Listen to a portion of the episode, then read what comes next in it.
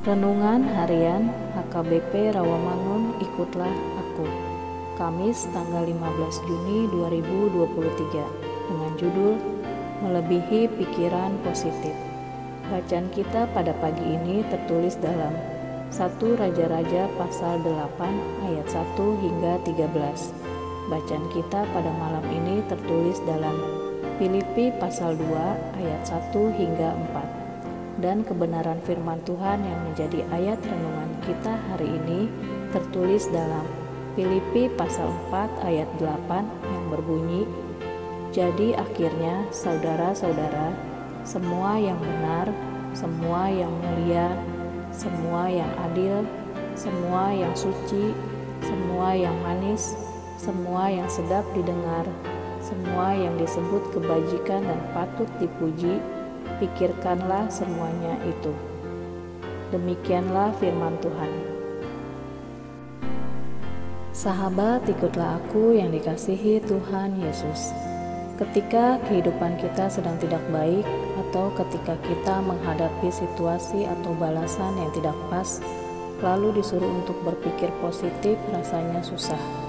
Tapi bila dilakukan, rasanya membuat tenang juga.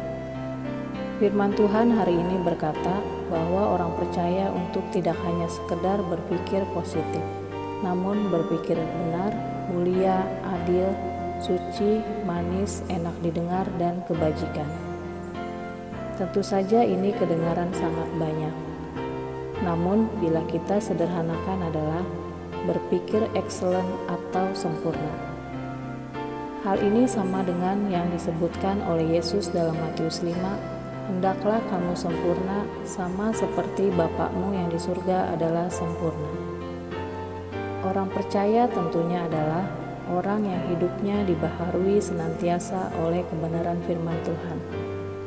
Setiap hari Allah juga menganugerahkan pembaharuan dalam kasih setianya. Dalam menjalani kehidupan, tentu saja banyak hal yang harus dihadapi yang terkadang membuat kita seolah-olah tidak berdaya Tuhan menginginkan kita untuk senantiasa melakukan hal-hal yang telah didengarkan dan dipelajari melalui firman Tuhan setiap hari.